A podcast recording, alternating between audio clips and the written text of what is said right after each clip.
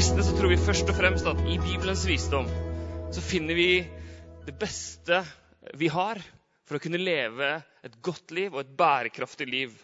Ikke nødvendigvis det enkleste livet, det raskeste livet, det mest suksessrike livet eller mest behagelige livet, men det livet som hver og en er skapt til å leve. Serien kalles Bærekraft. Og I det er både troen på at Bibelen gir oss visdom og retning for et bærekraftig liv, men også den vissheten om at Gud er den som bærer. Kristenliv handler ikke om å ta seg sammen og bære sitt liv så godt som mulig, men det handler om at Gud er den vi hviler oss. Gud er den som holder. Gud er den som gir oss bærekraft. Jesus er overalt og hos alle. Og jeg tror han er hos deg. Så sier han, 'Kom, kom. Kom og se. Kom, følg meg. Følg meg.' Og Det er også det han gjør denne søndagen. Og jeg har forstått at De tre neste søndagene så kommer dere til å få høre om relasjoner, om forvaltning av det vi eier og har, og om miljø. Men i dag så starter det, starter det med et tema som jeg har fått tildelt, nemlig sex. Og det, Jeg vet ikke hva du føler når du leser det. Eh, men det passer ganske bra å starte med det, fordi alt starter med sex. Jeg vet ikke om du har tenkt på det. Jeg vet ikke om det er lov å si i Philadelphia heller, men hvis du tenker på det, så er jo alle vi som sitter her inne, vi er jo et resultat av en lang rekke samleier. Ergo det er ikke likegyldig hvem som ligger med hvem. Det er jo vi et bevis på her inne. Alt starter med sex. Og så vil Jeg også si at jeg har veldig stor respekt for dette temaet. Jeg vet at i et rom som dette her, med så mange ulike mennesker med forskjellige historier, så kan det finnes mange ulike følelser, erfaringer, knytta til dette temaet. Når vi snakker om sex, så kan vi høre de mest fantastiske, vakre, gode historier. Men vi kan også høre om de mest forferdelige og vondeste erfaringer og opplevelser. Vi kan kjenne på skam, på savn, på lengsel, på frustrasjon, på usikkerhet. Kanskje du lever i et vanskelig ekteskap, og denne prekenen vil minne deg om det. Og egentlig så bare lengter du ut eller bort. Eller du er ikke i et ekteskap og lengter inn. Jeg skulle så ønske jeg kunne vært gift, eller i det minste være kjæreste med noen. Og som enslig så lever du midt i et samfunn som hauser opp sex noe helt ekstremt. Og Du trenger ikke lese langt ned på en hvilken som helst nyhetsnettside før det er artikler om hvordan du kan leve et best mulig, ha et best mulig sexliv, som at det er det ultimate målet med livet. Du lever med det, og samtidig så lever du med en kirke og da snakker jeg om kirken in large generelt, som nærmest har kjernefamilien som avgud. Jeg mener det. Altså, det er familie, familie, familie. familie. Og så er du enslig midt i det. Jeg, jeg, samfunnet sier sex, sex, sex er poenget. Kirken sier familie, familie, familie. Og du er enslig. Og hvordan skal man som 35-årig singel kunne ta imot seksualiteten sin som en gave fra Gud om Kirken sier bare at sex er for ekteskapet? Og vi skal snakke litt om det. Jeg kommer litt inn på det, men, men jeg kommer ikke til å si nok. Og Kanskje kommer du til meg etterpå jeg kommer til å si noen ting i løpet av denne prekenen som noen av dere kommer til å tenke på. Hm, det skjønte jeg ikke, eller det var komplisert, eller det var nytt. Og Hvis du kommer til meg etterpå eller skriver en mail Erik at Oslo Misjonskirke, og forklarer hvorfor du er uenig, så kanskje jeg er uenig med meg sjøl, jeg også. Jeg liker å tenke på mine prekener ikke først og fremst som utropstegn. Her er fasit. Men som komma. La oss snakke sammen. Bibelen er utropstegn, Bibelen er fasit, men jeg er ikke fasit. Og Det er veldig bra at dere løfter temaet sex. I den grad denne prekenen har noen punkter Jeg har egentlig aldri punkter, men jeg har iallfall ett punkt. Så er det kanskje det første punktet at hvis vi skal ha et bærekraftig liv og et bærekraftig forhold til sex, så trenger Kirken å fornye hvordan vi snakker om kropp, seksualitet og sex. Vi har ikke alltid gjort det så bra. Er det noen som er enige om det? Vi har ikke alltid gjort det så bra. Hjemme i min familie så snakket vi aldri om det. Da jeg var 16 år, så kom det en bok eh, som vi leste i vårt miljø, i den kirka jeg gikk i. Og Den ble skrevet av en nåværende norsk pinsepastor. Jeg skal ikke si hvilken, men Når det gjaldt sex, så var budskapet dette. Alt du trenger å vite om sex, er dette. Sky det som pesten til den dagen du er gift. Jeg vet ikke hva du tenker når du hører det. Er det bærekraft, liksom? Er dette bærekraftig budskap? Ja, det er en tabloid spissformulering. Så forfatteren kanskje i dag vil si at ja, men jeg, jeg, mente, altså, jeg har et mer nyansert syn på det. Ja, men jeg har jobba ganske mye med denne tematikken. Og jo mer jeg har jobba med det, og sett hva som har blitt forkynt, og lest hva som har, har, blitt skrevet i en del av våre miljøer, lavkirkelige, pinsekarismatiske og andre eh, tradisjoner, så tenker jeg denne setningen på et skremmende vis fanger mye av det som har vært det implisitte budskapet i våre miljøer. Mye kristen forkynnelse om kropp og seksualitet er skamdrevet. Implisitt kropp og seksualitet er noe du egentlig bør skamme deg litt over. Helt til du er gift. Den dagen så er det fantastisk. Verdens beste gave. Men fram til da, skam deg litt. Altså, det skal gå fra pest til best. Bokstavelig talt over natta. Du skal ikke tenke på det. Altså, Du skal leve reint i tanken, som det heter. Du skal ikke se på det. Du skal ikke ta på noe. Henda over dyna. Men den dagen du er gift, ja, det er ikke vanskelig å skjønne. Dere finner ut av det. Men sannheten er at mange kristne mennesker og par i terapi sier at vi finner ikke ut av det. Og mange, spesielt kvinner, men også menn, har blitt påført så mye skam knytta til kroppen sin og sin seksualitet at når de endelig skal kunne nyte det som det heter, i et ekteskap, og det er verdens beste gave, og det er Guds gave til deg, og det er det mest fantastiske Gud har gitt, så klarer du det ikke.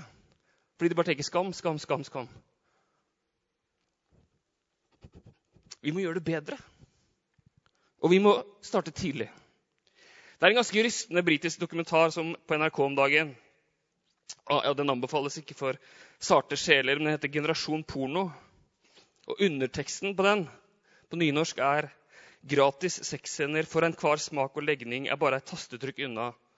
Hva gjør det med oss? Hva gjør det med oss? At gratis sexscener for enhver smak og legning er bare et tastetrykk unna. Hvis dere har tatt opp mobilen deres nå, så kunne vi i løpet av 20 sekunder vist pornofilmer på alle mobilene i dette rommet. Hva gjør det med oss? Hva gjør det med barna våre, og hvordan snakker du med barna dine om dette? Jeg leste en nyhetssak nå om at den pornofilmen som er streama mest det siste uka, på verdens største pornoside, er, ligger veldig tett opp til et overgrepsmateriale.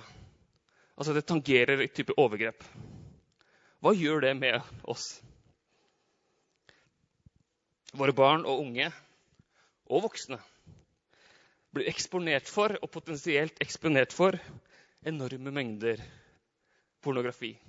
Og så har mennesket siden det kunne tegne, tegna nakne mennesker i huler overalt. Vi har alltid vært fascinert av det, og vi må snakke nyansert om det. at det, Vårt behov for å se bilder og tegne og at det er, det er noe menneskelig med det. Men hjernen vår er ikke skapt i det hele tatt for det som nå skjer. Men vi må snakke om det i hvert fall i møte med barna våre. Og bare en liten sånn Apropos til det og til denne dokumentaren. Noe som gjør stort inntrykk på meg i den første episoden, er et møte med tre kvinnelige pornoskuespillere. Før, sies det, så var skuespillerne avdanka vanlige skuespillere, eller de som ikke nådde opp i Hollywood, som trengte penger, trengte å ha noe å leve av, og som solgte seg så å si, til pornoindustrien. I denne dokumentaren så får vi se tre jenter som er 18 og 19 år. Og så med en gang de hadde muligheten, når de var ferdig med skolen, med en gang de hadde muligheten, så dro de for å bli pornoskuespillere. Frivillig. 18 og 19 år. Altså, Hva driver unge jenter til det? Fellesnevneren for oppveksten til disse tre oppsummeres av fortellerstemmen. Sex var ikke noe man snakket om, men alltid bare et klikk unna. Og De forteller om oppvekst i konservative kristne miljøer, stort sett. Og Hun ene forteller at det vi hadde om sex på skolen, det var én time hvor vi skulle skrive under på et kort at vi ville vente med sex til vi gifta oss. Men så var hun nysgjerrig. Fikk ikke høre noe om det hjemme. Vi snakket ikke om det hjemme, sa hun. Men hun begynte å sjekke på nettet, og porno var bare et klikk unna. Og Så blir hun dratt inn i den verden. Hun har sex når hun er 13. Hun sier jeg hadde aldri hatt det så tidlig om hadde, noen hadde lært meg hva det handler om. Men så syns hun det er så deilig. Og selvfølgelig er det deilig. Det er Gud som har skapt det sånn, men så blir hun dratt inn i det, har mye sex og bare får den drømmen om at jeg, vet, jeg, har lyst til å bli, jeg har lyst til å jobbe med dette her. Så med en gang hun kan, så forlater hun mor og far og begynner å jobbe i denne industrien. Så kan man si ja, men dette her er ekstremt, det er USA. Men jeg mener det illustrerer likevel et faktum at vi må snakke bedre om sex og seksualitet og kropp med våre unge enn det vi har gjort. Og vi voksne må snakke om det også på en bedre måte. Men med barna så må man starte tidlig. Senest denne uka så satt niåringen hjemme og så på NRK Super. På et program som jeg har merka aldersgrensa alle, altså for alle. Så plutselig overhørte jeg liksom en sånn setning hvor du sa Eller overhørte jeg liksom ja, 'Vet dere hvorfor skjeden til jenta blir våt?' Og jeg liksom bare Hæ? NRK Super? Hva skjer? Og så prøvde jeg å reagere på en måte som gjør at ikke liksom, eh, sønnen min skulle gå og syntes det var flaut. Og så klarte jeg ikke det helt. da. Så etter et halvt minutt kanskje, så, så bytta han episode. Og da vet jo jeg at han kommer til å se det en annen gang hvor jeg ikke er til stede. Men hvordan vi må snakke om det. Bare, vi, men vi må snakke om det med barna våre på en måte som er tilpassa alderen. selvfølgelig. Men du må snakke med barna dine om det lenge før det blir flaut. Før det blir pinlig. Hvis du begynner å tenke nå, med tolvåringen min så skal jeg begynne å snakke om dette her, så har han for det første sannsynligvis allerede sett porno. Og for det andre så syns han det er utrolig pinlig. Han kommer ikke til å snakke med deg om det. Vi begynte kjempetidlig i vår familie. Kona mi er så, så noe om, å, kjempeflink til å snakke med barn om sånne ting. Og på et eller annet tidspunkt, Jeg har fått lov til å fortelle denne historien her, har Levi, som, som, da kanskje var fire år, og som var nysgjerrig på hvor kommer barn fra, og hvordan hvordan blir de til? Og Tres fortalte helt detaljert, veldig sånn tilpassa eh, men liksom, Ikke blomsten og bien, men jentetiss og guttetiss. Ordentlig konkret, liksom. Så spurte Levi, jeg husker vi satt på utsida, eh, hadde spist middag, og så spurte Levi men, men, men hvor kom jeg ut? Hvordan kom jeg ut, liksom? Ut av mammas mage. Så altså må man liksom tilpasse alderen litt. Så Therese sa ja, så, ja, så kom du ut av rumpa til mamma.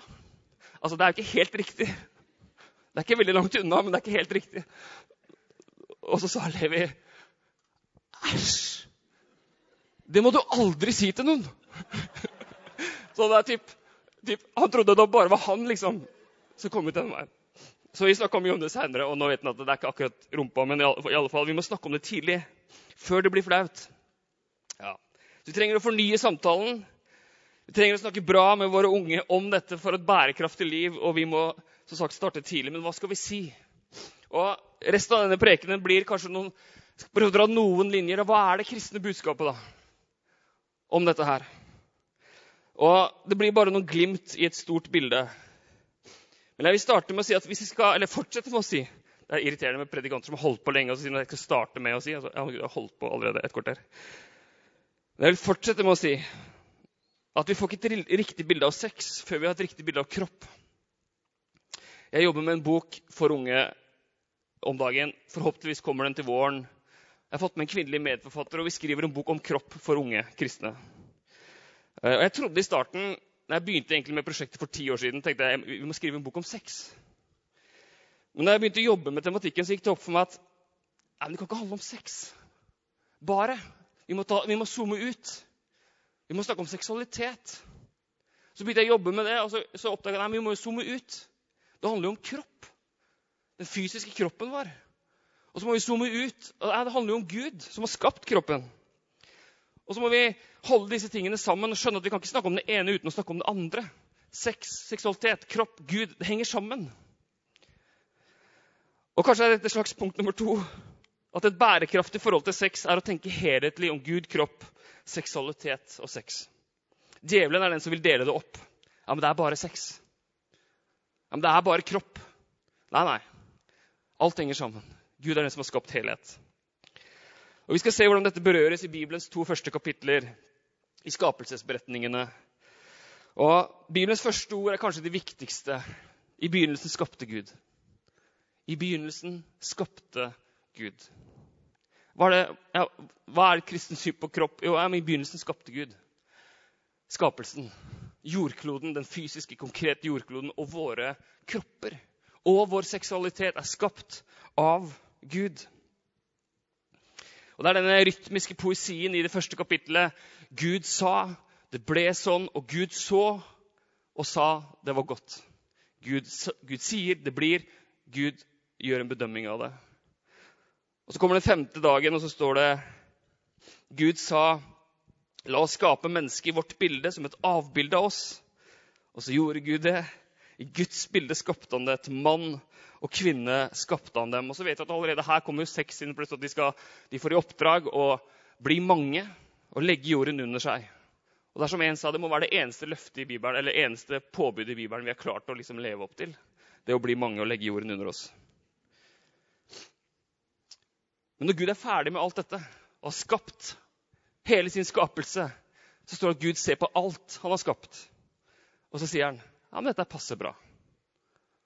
Eller han sier ja, dette er ganske bra, bortsett fra det kroppsopplegget. Ja, det er sånn, litt, sånn, det er litt skam. Men uh, nei, han ser på alt han har skapt, og så sier han det er svært godt. Det er svært godt. Det fysiske, det fysiske, jordkloden, kroppen din. Svært godt. Kropp er ikke plan B. Det var ikke sånn at Gud tenkte jeg, får prøve, jeg må gi disse sjelene litt sånn materie inntil videre.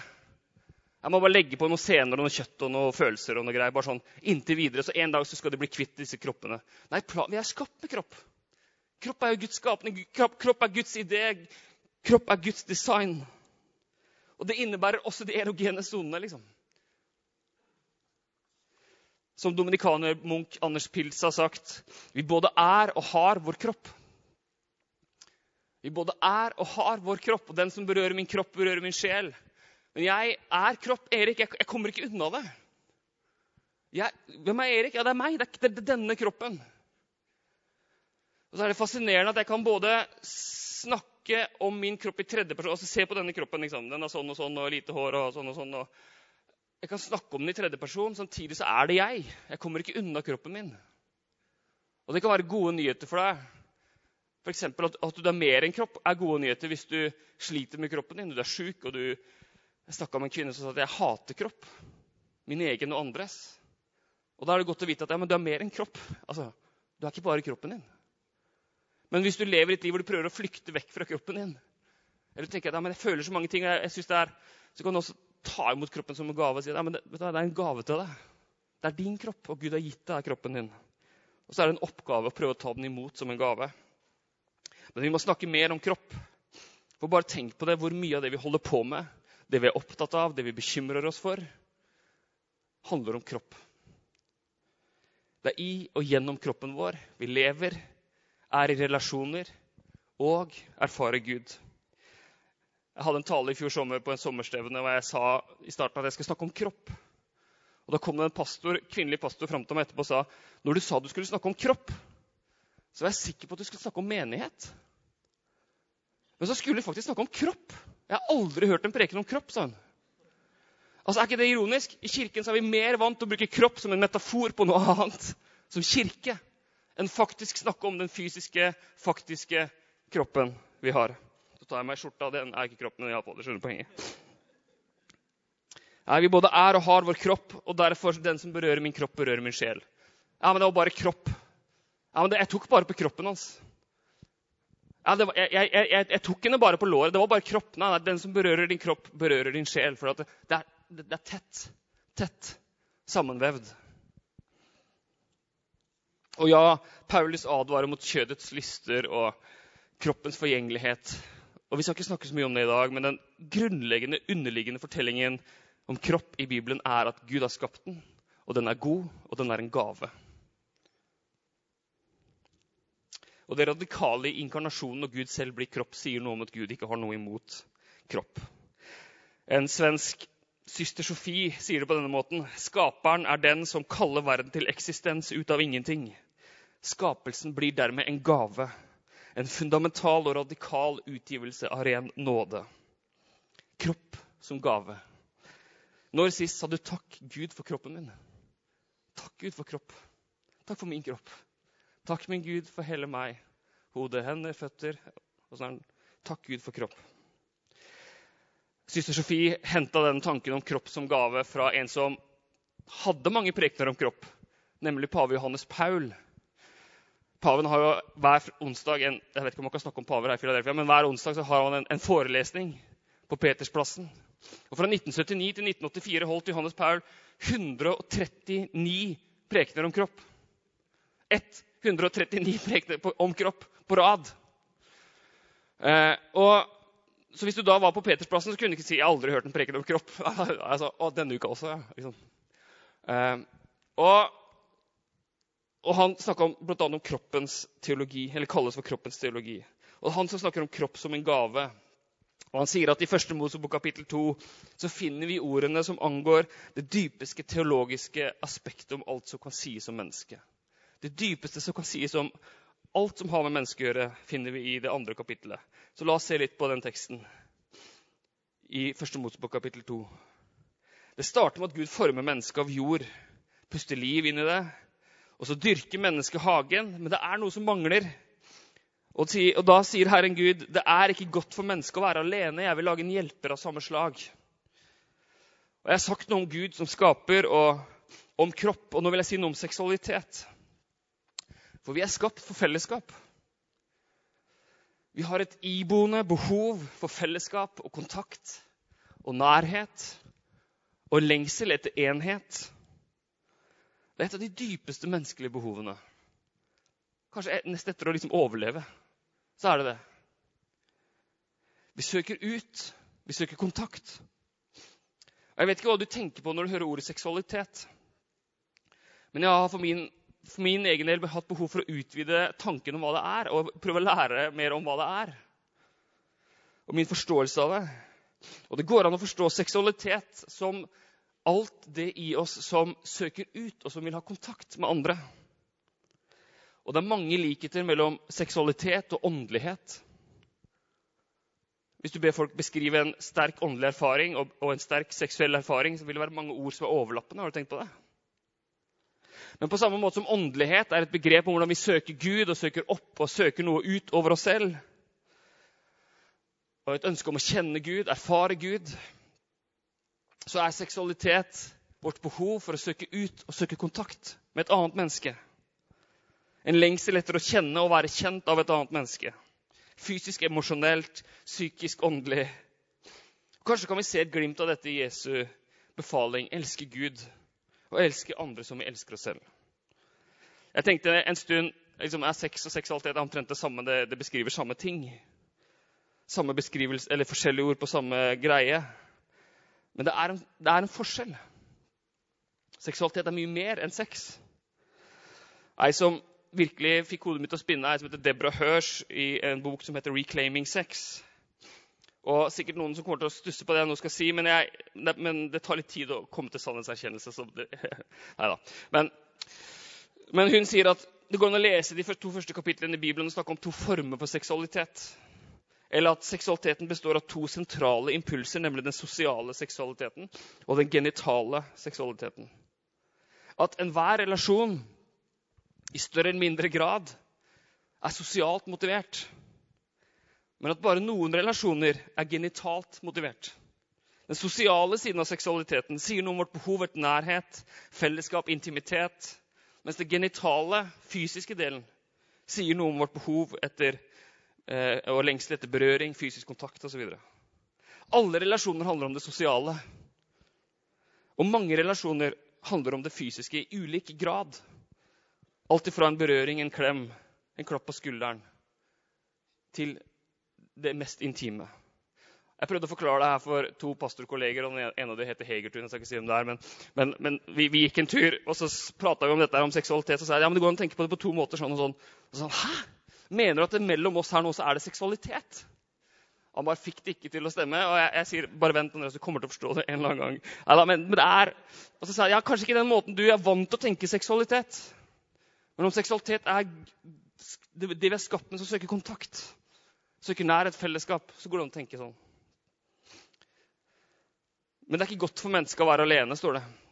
Og mange erfarer det og forsøker å få det behovet dekket gjennom å ha sex. De sveiper på telefonen etter høyre og venstre på datingapper. Men de opplever fortsatt ikke nærhet og den intimiteten de egentlig søker. Andre mennesker lever uten sex, ut, lever genitalt seksuelt avholdende, men opplever likevel dyp nærhet, fellesskap, vennskap, intimitet. Altså, alt dette har med seksualitet å gjøre. Og Det er viktig å forstå og vite at det finnes ikke kropp uten seksualitet. Du kan ikke skru av seksualiteten din. Altså, Den er der. Den er, ikke, det fins ikke kropp. Alle er kropp, og alle er har seksualitet som en del av kroppen. Og Du skal heller ikke skru den av. For det er vår iboende Guds, måten Gud har skapt oss for fellesskap og søke ut av oss selv. Utover oss selv. OK. Vi er skapt med kropp, vi er skapt med seksualitet. Det er en gave, og den er god. La oss fortsette videre i kapittelet. Nå følger historien etter dette om eh, hvordan mennesker får i oppdrag å sette navn på dyrene. og Det er laga mange vitser og sanger om det. Og så Adam oppdager, eller mennesket som det står, oppdager at han er et selv. Et selv. Han, har, han er en person. Han er adskilt fra de andre. Han er skapt sammen med dyra, men han er annerledes. Han er en person, og ordet 'person' betyr en indre verden. Han oppdager at jeg har en indre verden. Jeg kan, jeg kan snakke om meg selv i tredje person. Jeg kan gi navn på dyra, de andre. Mennesket ga navn til alt fe og himmelens huler og til alle villmarkens dyr. Og så står det men til seg selv fant mennesket ingen hjelper av samme slag. Altså, Dyra var fine, de, liksom, men, men så skjer det store. Da lot Herren Gud en dyp søvn komme over mannen.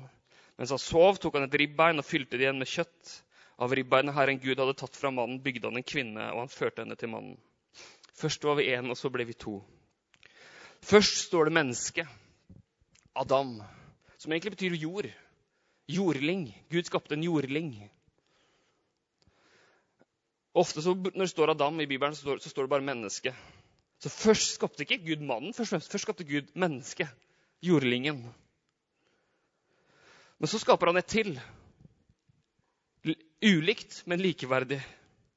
Og det er først når Gud skaper kvinnen, at mannen blir kalt mann. Først blir de kalt menneske, og så blir de kalt mann og kvinne. Da sa mannen, 'Nå er et bein av mine bein og kjøtt av mitt kjøtt.' Hun skal kalles kvinne. Ish. Ish-a, mener jeg. Ish-a, hebraisk. Ish-a, for hun er tatt av mannen. For av mannen er hun tatt. Av Ish er hun tatt. Og så kommer disse ordene som senere blir sentrale i Jesu undervisning, og som leses i alle kristne vielser. Derfor skal mannen forlate sin far og sin mor og holde fast ved sin kvinne, og de to skal være én kropp. De to ulike Ish og Isha hører sammen. I sin maskulinitet og femininitet blir de to til ett. Og Her er et svært sentralt poeng i den kristne forståelsen av kropp og seksualitet. For det er her mennesket oppdager at kropp er ikke bare en gave til meg. Takk Gud for min kropp. Men man oppdager at også man gjennom kroppen kan være en gave til den andre. Syster Sofie oppsummerer Johannes Paul på denne måten. Gjennom den seksuelle forskjellen oppdager mann og kvinne at de har mulighet til å gi seg selv. En sånn mulighet til å gi seg selv radikalt, å bli ett kjøtt og være radikalt forent i dyp respekt, kan bare virkeliggjøres gjennom kroppens seksualitet. Kroppen er et vitne som taler om skapelsen som fundamental gave. Tenk på det, Kroppen er et vitne. Vitner om Gud. Vitner om Guds skapelse. Vitner om Guds nåde. Den feminine kroppen uttrykker et kall til å gi seg til mannen. Og den maskuline kroppen uttrykker et kall til å gi seg til kvinnen. Og Hvis dette blir for komplisert, så bare la det passere. Liksom. Men essensen i Johannes Paul 139 prekener sier noen er dette sitatet. Den menneskelige kroppen rommer en kapasitet til å uttrykke kjærlighet på en måte hvor mennesket blir en gave, som er selve oppfyllelsen av den dypeste meningen menneskets eksistens og vesen. Altså, I kroppen vår rommer vi en kapasitet til å være en gave. Og dette handler om mye mer enn sex. Siste sitat fra søster Sofie. Hun, hun snakker om det på denne måten, for dette gjelder alle uansett sivil status. Ditt liv har du fått gratis uten å gjøre noe for det. Du er en fantastisk gave til deg selv og andre. Og du er kalt til å gi akkurat som Gud. Din kropp sier noe om det. Med dine hender kan du gi. Din munn kan si ord som oppmuntrer og gir liv. Muskler, armer og bein kan arbeide, bevare og skape på tusenvis av måter for å gi glede og hjelp til andre. Og med seksualiteten kommer noe mer. Hele deg kan bli en gave til et annet menneske. En gave som igjen flyter over og skaper nytt liv. Og det er her Guds likheten, sier Johannes Paul, ligger. At vi når vi er sammen, kan skape, og nytt liv kan oppstå. Som Gud skaper, så kan også vi være med på skapelsen. Kropp er en gave fra Gud, og du er gjennom kroppen din gave. Og jeg vet at dette kan være trøblete språk. Spesielt om du har erfart at mennesker har tråkka over dine grenser og tatt seg til rette. Hæ, skal jeg være gave? Er jeg gave? Det kan være vanskelig å se på sin kropp som en gave. Verken, til seg selv, eller Kroppen min er ikke en gave verken til meg selv eller til noen andre. Fordi noen har behandla det som en pakke, som en ting. Og mange erfarer at de får god hjelp med dette når de snakker med noen om det. Men jeg skal ikke gå inn på kapittel tre i Bibelen nå. Syndefallet. Men det kan oppsummeres, egentlig, det som skjer, med at mennesket ikke nøyde seg med å ta imot skapelsen som gave, men ville bruke sin frihet til å ta det de ikke kunne få. Og objektiveringen av andre mennesker, å gjøre andre mennesker til ting som er til for meg og for min tilfredsstillelse, og for at jeg skal få det jeg vil ha, enten når mennesket av kjøtt og blod er på andre sida av mobilskjermen, eller om det står rett foran deg, er kanskje liksom det, det klareste eksempelet på syndefallets konsekvens. Men mer om det i en annen preken. Vi skal snart se på det siste verset. Men disse to blir én kropp. Én pluss én blir én. Og det er mystisk, og det er rart å forstå. Og hvordan skal vi egentlig få skjønne det der? Og én pluss én kan bli tre. Og det er egentlig en helt grensesprengende tanke. Det kan bli et menneske av dette her. Altså, det vi gjør nå, det kan bli et menneske av det. det er, altså, hvis du først begynner å tenke på det, det er ganske sjukt. Hadde det blitt mennesker av at vi tok en joggetur, så tror jeg vi hadde gjort det med større varsomhet. Altså, Som jeg noen ganger sier til ungdom, da, ikke ligg med noen du ikke potensielt vil gå på foreldremøte med. Altså, For det kan potensielt det kan bli effekten, liksom. Det funker jo ikke selvfølgelig som en strussel, men det er jo artig å si det. Um, men eh, kristen etikk og et kristent syn på sex og på rammene for sex har alltid den sårbare i fokus og hensynet til vår neste, til den andre. Men også hensynet til den potensielt tredje og fjerde og femte og som noen venner meg, sjette og sjuende. Jeg trodde vi var ferdig, liksom. Hva skjedde? Sjette og sjuende. Men dette hensynet til vår neste og den tanken om at kropp er en gave til oss selv, som vi også, om vi ønsker å få mulighet, kan gi. Det skaper potensial for det som står i det siste verset i kapittel 2. Begge var nakne, både mannen og kvinnen, og de skammet seg ikke for hverandre. De var nakne, men de gjorde ikke noe. For de trengte ikke å beskytte seg mot den andre. De hadde gitt seg helt og fullt til den andre. Det var en radikal form for nakenhet de begge var nakne. Det er en poetisk beskrivelse. men var en, De var fysisk nakne, ja, men det forteller oss om en fullstendig nakenhet. En åpenhet, en blottleggelse av mye mer enn kroppen. Det var sånn det var ment å være. Å være naken uten å skamme seg. Å stå foran den andre og si 'Her, dette er min kropp. Her er mine følelser. Her er mine meninger og tanker. Her er min historie med all min frykt. Alt det jeg drømmer om mitt håp, mine lengsler, mine feil. Her er hva jeg har forsøkt å holde skjult. Jeg står her foran deg naken. Fysisk, men også psykisk, emosjonelt, åndelig. Helt naken. Foran deg, foran deg så opplever jeg meg akseptert, verdsatt og elska. Det er det kristne idealet for sex. At den skal være radikal naken. I hele betydningen av ordet. Så et spørsmål du kan ta med deg dersom du er i et forhold, hvis du er gift, eller Hvordan er det med nakenheten? Er det mye av fysisk nakenhet, men veldig lite av den andre? Eller er det mye annen form for nakenhet, men ikke fysisk?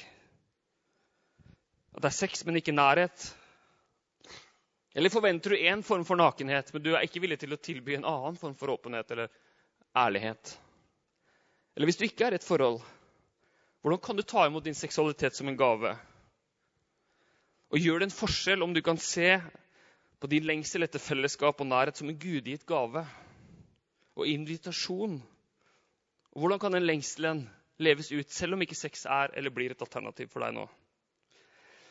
Jeg har lyst til å avslutte denne preken med en Jesus-fortelling. Alle prekene burde ha minst én Jesus-fortelling. Overskriften i dag er 'bærekraftig liv'. Men det er en kvinne som møter Jesus, som ikke klarer å stå oppreist. Og Det fortelles bl.a. om i Markus kapittel 5. Midt i den store folkemengden så er det en kvinne som ikke burde vært. Fordi hun er urein. Hun har blødninger. Menstruasjon, om du vil. Og Moseloven, tredje Mosebok, inneholder masse instruksjoner og begrensninger på hva du kan gjøre om du er urein, eller om du har blødninger. Alt du tok på, ble ureint. Og Dette var ikke bare hennes månedlige sykelys. Men hadde, det står at hun hadde vært urein eller hatt blødninger i tolv år. Tolv år. Så hvis hun hadde barn, så kunne hun ikke ha dem på fanget. Hvis hun hadde en mann, så hadde han sannsynligvis forlatt henne med loven i hånden. Alt hun eide, hadde hun brukt på leger, står det. Hun kunne ikke tilby synagogen være med i fellesskapet. Så hun både er syk, hun er fattig, og hun er utenfor. Men hun har fått høre om Jesus. Jeg synes Det er fantastisk de gangene det står men hun hadde fått høre om Jesus, eller han hadde hørt om Jesus. Hun hadde fått høre, Jesus, høre om Jesus. Det er noe med Jesus. Og midt i folkemengden så trenger hun seg gjennom, og så griper hun tak i kanten av kappa til Jesus. Og så blir hun frisk. Hun merker at noe skjer med kroppen hennes. Hun blir kvitt plagen, og Jesus merker at noe skjer. Hva er det som skjer? Og Hvis han bare tenkte at poenget er at hun ble frisk, så kunne han bare gått videre. Men han forstår Jesus at det er noe mer som er viktig her. Så han spør hvem var det som tok på meg. Og Disiplene svarer typ alle. Jesus, alle tåpene der. Det er helt sjåka fullt der. Men Jesus visste at det var en kvinne som, som trengte at han så henne. Så står det kvinnen skalv av redsel, for hun visste hva som har skjedd med henne.